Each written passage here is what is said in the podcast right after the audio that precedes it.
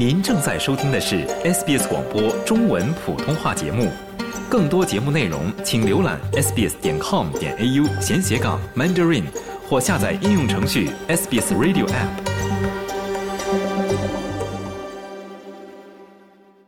听众朋友们，您现在正在收听的是 SBS 电台的中文普通话节目，我是雨夜。那现在呢，我们为您带来的是闲话澳洲的节目。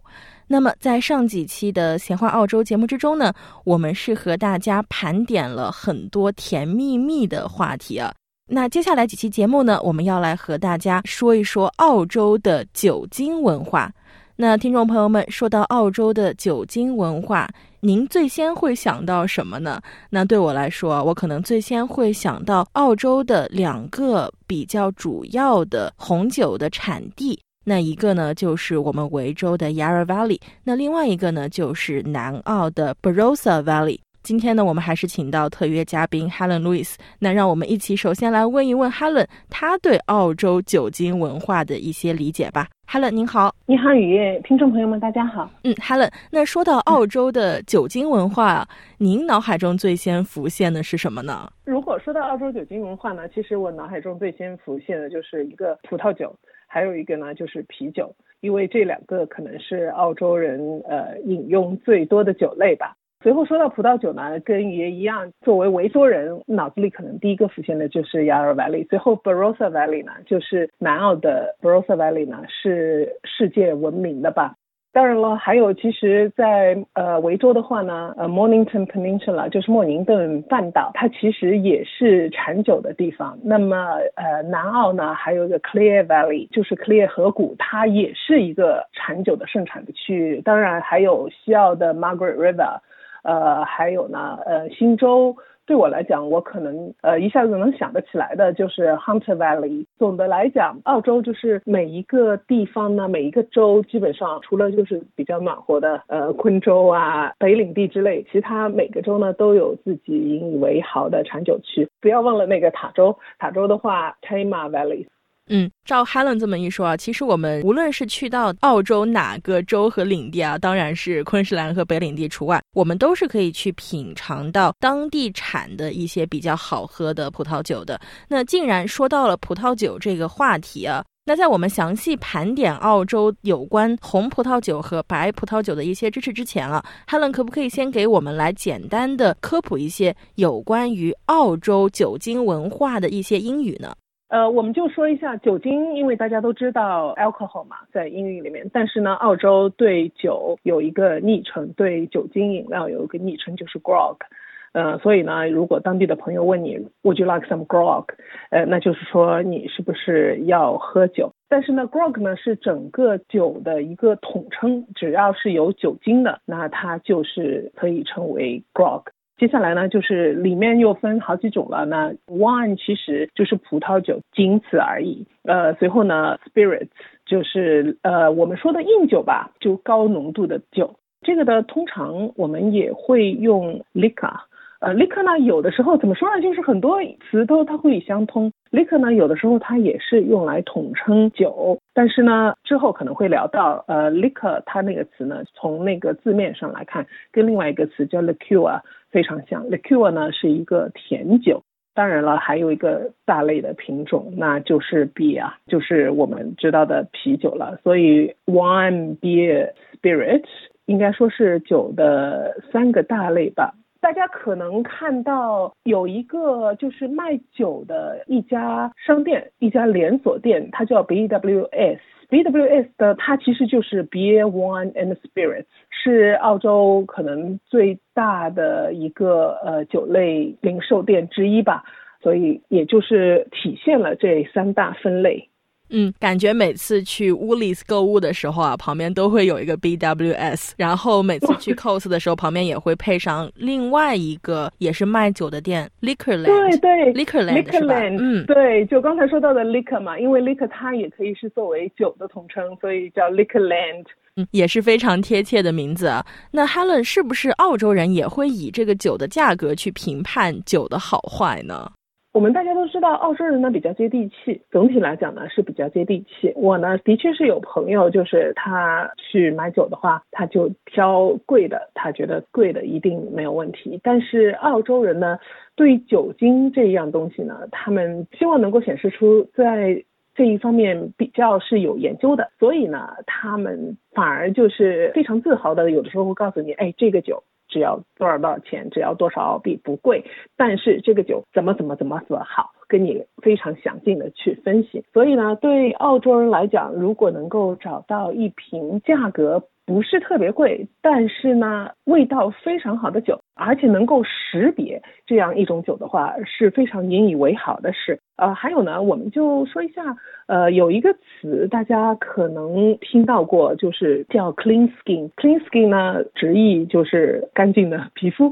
其实呢，它就是说这个酒上面呢是没有贴任何标签的。一般呢是在酒庄的门市部可以卖到，因为价格便宜，但质量呢基本上不会出错。它因为是酒庄，它本身就是直销的吧，就等于说，其实呢很多品酒控呢比较喜欢 clean skin 带给。自己的那一份神秘感，所以总的来讲，我觉得澳洲呢，澳洲人对酒的价格并不是特别纠结，也真的是用价格来选酒的人呢不多，起码呢就是那些真正的对酒或者自认为真正对酒非常有研究的人，他们比较喜欢就是去寻找那些小众、价格不贵，但是呢又意外好喝的那种酒。嗯，说到这儿，那下次如果有机会去到 Yarra Valley 酒庄的话，那我也要来选一瓶 Clean Skin 的这样一个酒来喝一下啊。那刚才我们既然说到有关于澳洲的酒庄呢，想必听众朋友们说到澳洲酒庄最熟悉的也就是澳洲的一些红葡萄酒了。那 Helen 可不可以来跟我们科普一下澳洲一些常见的红葡萄酒的种类呢？红葡萄酒呢，可以没有问题。其实呢，有很多种类。一般来讲呢，它是按照葡萄它的品种来分类的。呃，比如说一个呢，澳洲人可能通常听到 Cab Sav，这个呢，中文名呢叫赤霞珠，它全名呢叫 Cabernet Sauvignon。这一个呢是澳洲人可能喝的比较多的吧，当然 c a p s a v 就是澳洲人的习惯，什么东西都必须缩略语，因为懒得去发音了，太长了。是，还有一个呢叫 Merlot 呢它的拼写其实是 M E R L O T，那个 T 其实不发音，所以呢叫 Merlot，中文名应该是叫米洛吧，昵称就没有了，因为 Merlot 如果还在缩的话就就缩没了。呃，还有一个呢叫 Pinot Noir。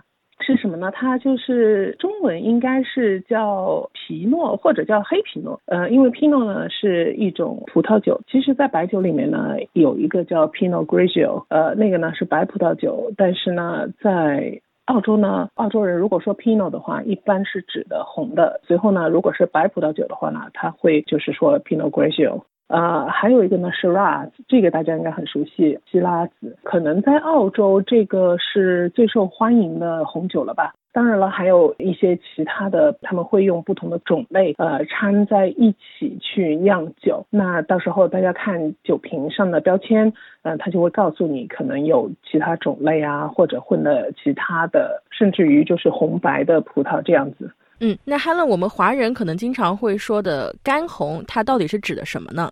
其实呢，干呢，英文它就是一个 dry，它那个意思，通常呢就是用来形容葡萄酒的。那么它的干呢，就是代表着葡萄酒里的糖分被转化成酒精的程度。呃，那么越干的酒呢，就越不甜。所以我觉得好像很多华人女生，尤其是女生，其实也包括我在内，我。干的我其实不是特别喜欢喝，我们都好像喜欢有一丝丝的甜味，所以我就记得就是也是一个题外话，但是还是和酒有关，因为我那个时候问周围的华人朋友，尤其是女生，呃，我们特别喜欢喝那个 Moscato，随后我会告诉澳洲朋友，他们都觉得非常不能理解，因为对澳洲人来讲 Moscato 太甜了。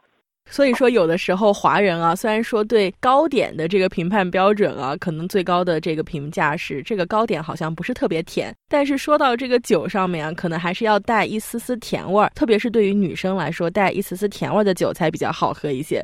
对，哎，你说到这个，我真的是觉得，呃，就是我们不同的民族吧，不同的文化，对吃的东西，呃，真的是不同的。呃，就刚才语言你说对那个糕点跟酒好像是完全相反的，让我一下子想到对面包，我们之前好像提到过，就是澳洲人的面包是没有味道的，他就必须是在面包上再涂其他东西去给。面包增加口味，但是作为华人来讲，我们就爱吃甜的面包。呃，因为我记得就是我先生他那时候去国内的时候，他唯一苦恼的地方就找不到淡味的，就是没有味道的面包。我儿子最近刚刚去过上海，随后回来，他说，哎，有的时候就找不到不甜的面包。但是我觉得我们觉得说甜的面包好吃，所以真的是文化上呃是有很大的区别。嗯，所以说这个上面真的还是有挺大的区别的。各个文化也是有各个文化对糖不一样的这个喜爱程度啊。有的时候呢，可能在食品之中觉得糖可能会少一点，但是在饮品之中有一丝丝甜味，也未免不是一件好事了。那刚才呢，我们也是说到了澳洲的红葡萄酒。那说到这个澳洲的红葡萄酒，那就一定要再提到澳洲的白葡萄酒了。相比于红葡萄酒，可能对于女孩子来说呀，白葡萄酒也是更容易入口一些。那 Helen，澳洲有哪些白葡萄酒可以供大家去选择呢？的确，就像像语言说的一样，我觉得好像。喝白葡萄酒的女生就更加多一点，可能是比较喜欢它的那种更加爽口的味道吧。那么澳洲的白葡萄酒呢？刚才我们说过红葡萄酒的时候说过 Cabernet Sauvignon，那白葡萄酒它有个品种叫 Sauvignon Blanc，Blanc 因为大家都知道就是白的呃意思。那中文呢？其实我觉得中文的名字非常好听，叫长相思。嗯嗯。因为这 非常浪漫的一个好浪漫是，对。随后呢，澳洲当然了，还是要给它个昵称，因为太长了 s a v i g n o n 那就是 Sav Blanc。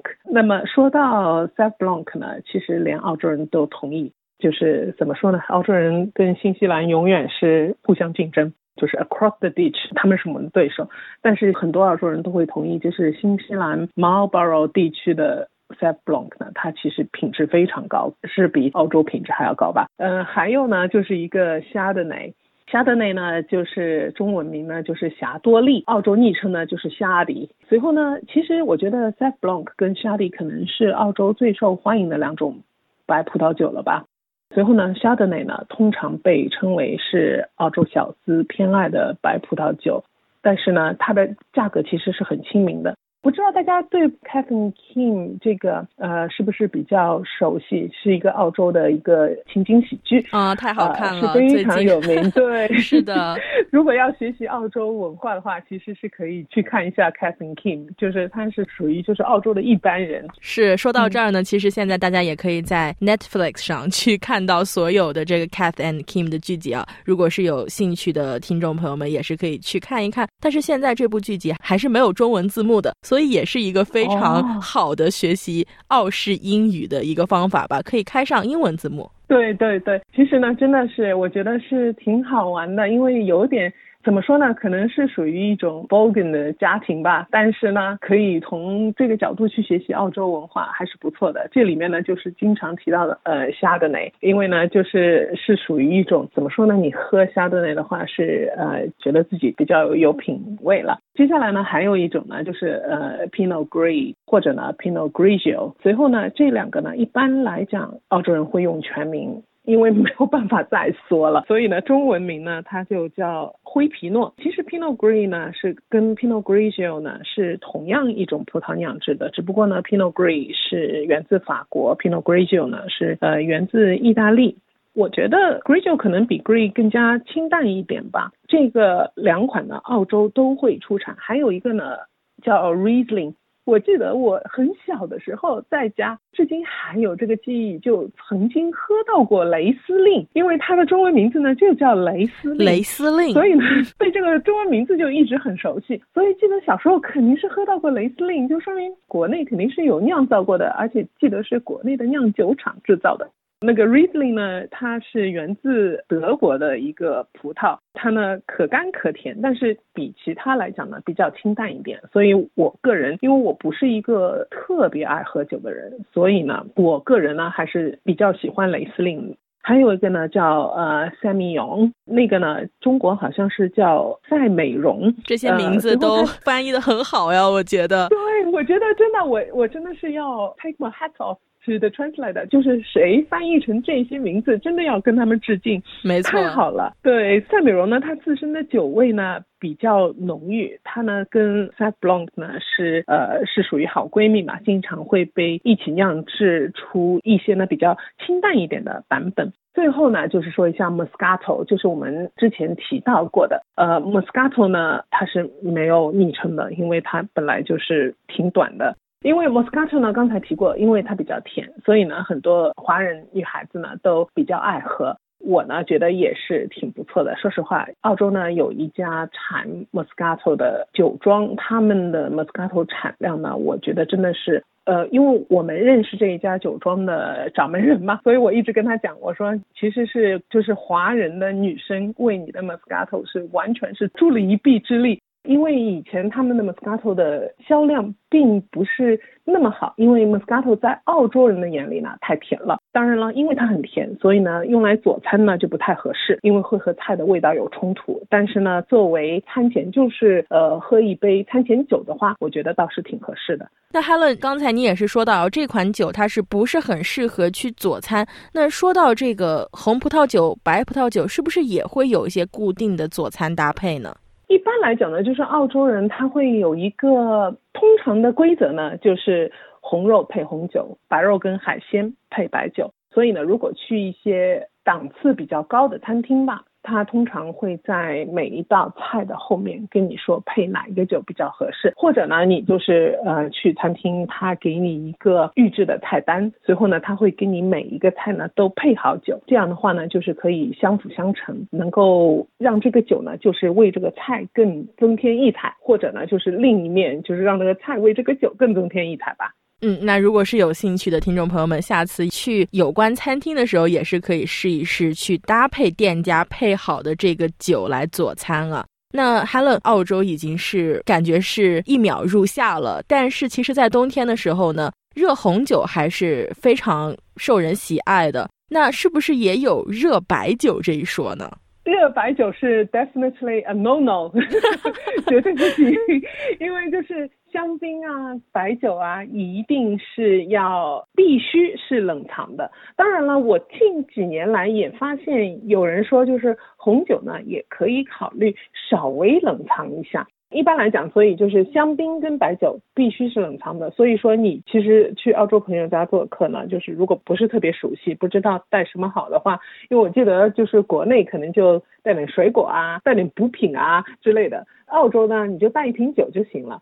但如果说你是带白酒、带香槟，通常呢，就是如果带酒去的话，有的时候呢，他们就会当场开了，大家就喝了。呃，如果带白酒、带香槟呢，除非是在家里已经冷藏好的带过去，或者呢，在路过卖酒的地方，随后要从他们的冷藏柜去拿白酒跟香槟，千万不要带一瓶室温的。那到时候就是，如果主人的习惯是拿来了就开了喝，他就不会喝，他就觉得，嗯，你为什么送我一瓶呃室温的酒？所以呢，这个大家一定要注意，因为白酒是一定。一定要冷藏了之后再喝，才能够更加有风味。呃，红酒呢，红酒一般来讲是需要室温，因为我记得在我们的滑雪俱乐部呢，也是澳洲文化的一个体现吧。很多人都会在他们的储物柜里，因为每一个呃每一个会员都会有自己的储物柜，很多人呢通常把酒就放在储物柜里，随后。去滑雪的时候呢，他们就会拿出来喝。